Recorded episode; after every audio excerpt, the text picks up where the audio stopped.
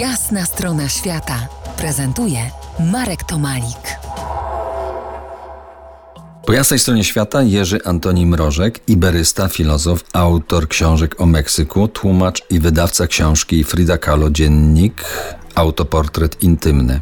Zastanówmy się nad tym, na czym polega fenomen tej artystki, a w szczególności jej popularność w kraju nad Wisłą. Do Polski, do Poznania kilka lat temu zawędrowała wystawa jej prac, a jeszcze wcześniej na ekrany wszedł film fabularny zatytułowany po prostu Frida. I chyba to ten film potwierał mm, jej drzwi do nas. Jak sądzisz? Myślę, że tak i to nie tylko do Polski, ale w sensie międzynarodowym film stworzył Fridę jako postać y, międzynarodową, popularną międzynarodową. W świecie sztuki no Frida była, była znana dużo wcześniej.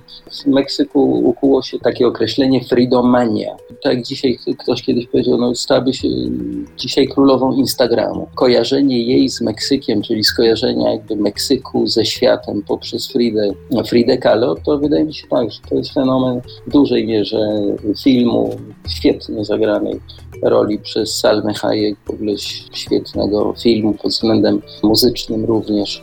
Jeszcze bym na to spojrzał inaczej, bo tutaj e, bardzo mnie interesuje to, bo ona w Polsce tak wydaje mi się, że jest właśnie szczególnie popularna.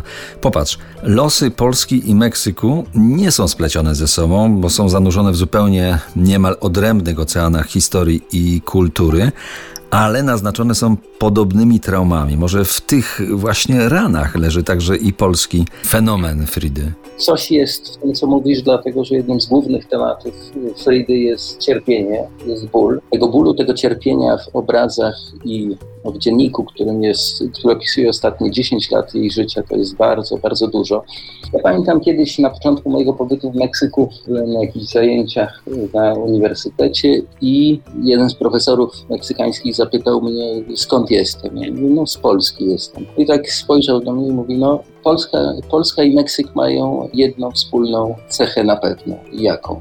On mówi do mnie, że jak się czyta historię Polski, jak się czyta historię Meksyku, to najpierw zaczyna się płakać. To jest trochę tak zgodne z tym, co, co mówisz, ta historia cierpienia kraju i utożsamienia tego cierpienia kraju w swojej własnej osobie. To, co dokonało się u Fridy i opisanie przez siebie poprzez własne cierpienia, cierpienia swojego kraju i, i odwrotnie, może coś w tym jest rzeczywiście. Meksyk jest krajem złożonym z ran. To czytamy we wstępie tej książki, o której dziś rozmawiamy. Książki, która, która wchodzi, właściwie już weszła na polski rynek. Frida Kahlo, dziennik Autoportret Intymny.